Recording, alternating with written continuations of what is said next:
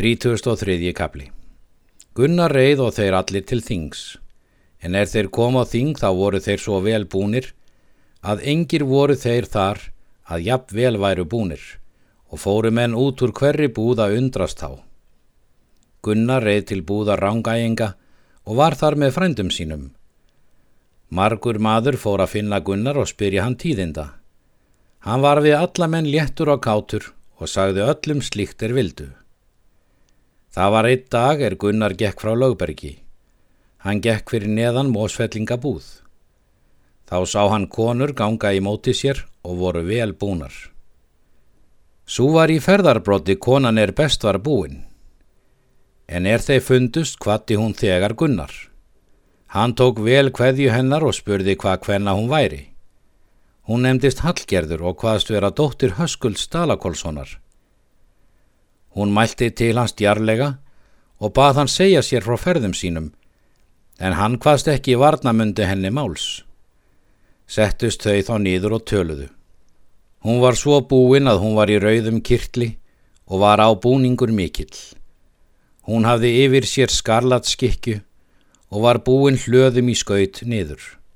Hári tók ofan á bringu henni og var bæði mikið og fagurt. Gunnar var í tignarklæðum þeim er Haraldur konungur Gormsson gaf honum. Hann hafði og ringin á hendi hákonur nöyt. Þau töluðu lengi hátt.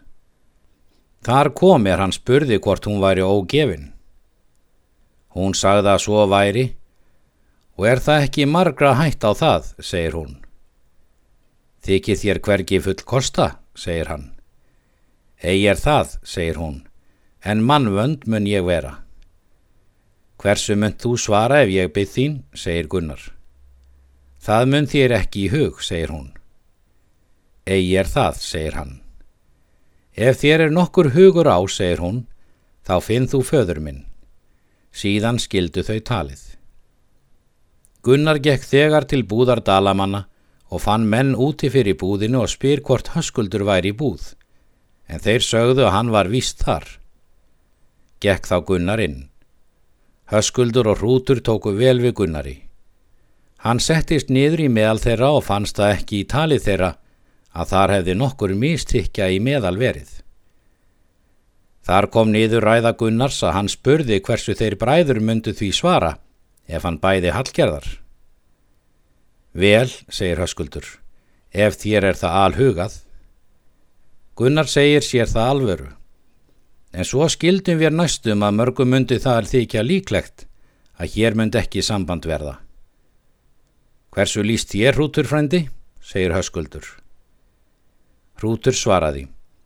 Ekki þykir mér þetta jafnbræði. Hvað finnur þú til þess, segir Gunnar. Hrútur mælti. Því mun ég svara þér um þetta er satt er. Þú ert maður vaskur og vel að þér en hún er blandin mjög og vil ég því yngu svíkja. Vel mun þér fara, segir Gunnar, en þó mun ég það fyrir satt hafa að þér virðið í fornan fjandskap ef þér viljið eigi gera mér kostin. Egi er það, segir Rútur, meir er hitt að ég sé að þú mátt nú ekki við gera, en þó að við kiftum megi þá vildum við þó vera vinir þínir. Gunnar mælti. Ég hefi talað við hana og er þetta ekki fjari hennar skapi. Hrútur mælti. Veit ég að svo mun vera að ykkur er báðum gynda ráð. Hætti þið og mestu til hversu fer. Hrútur sagði Gunnari ófreyið allt um skapferði hallgerðar og þótti Gunnari það fyrst ærið margt er áfótt var. En þar komum síður að saman fjall kaupmáli þeirra. Var þá sendt eftir hallgerðu og var þá umtalað svo að hún var við. Letu þeir nú enn sem fyrr að hún festi sér sjálf. Skildi þetta bóð vera að hlýðarenda og skildi fara fyrst leinilega en þó kom þar er allir vissu. Gunnar reið heim af þingju og reið þegar að finna njál og sagði honum kaupin. Hann tók þungt á kaupum hans. Gunnar spurði hvað hann fyndi til að honum þótti slíkt svo óráðlegt. Njál svaraði. Af henni mun standa allt til ítla er hún kemur austurhingað. Aldrei skal hún spilla okkar vinnfengi, segir Gunnar. Það mun þó svo nær leggja, segir njál, en þó mun þú jafnan bæta fyrir henni. Gunnar bauð njáli til boðs og öllu því þaðan sem hann vildi að færi. Njál hétt að fara. Síðan reið Gunnar heim og reiðum hér aðið að bjóða mönnum.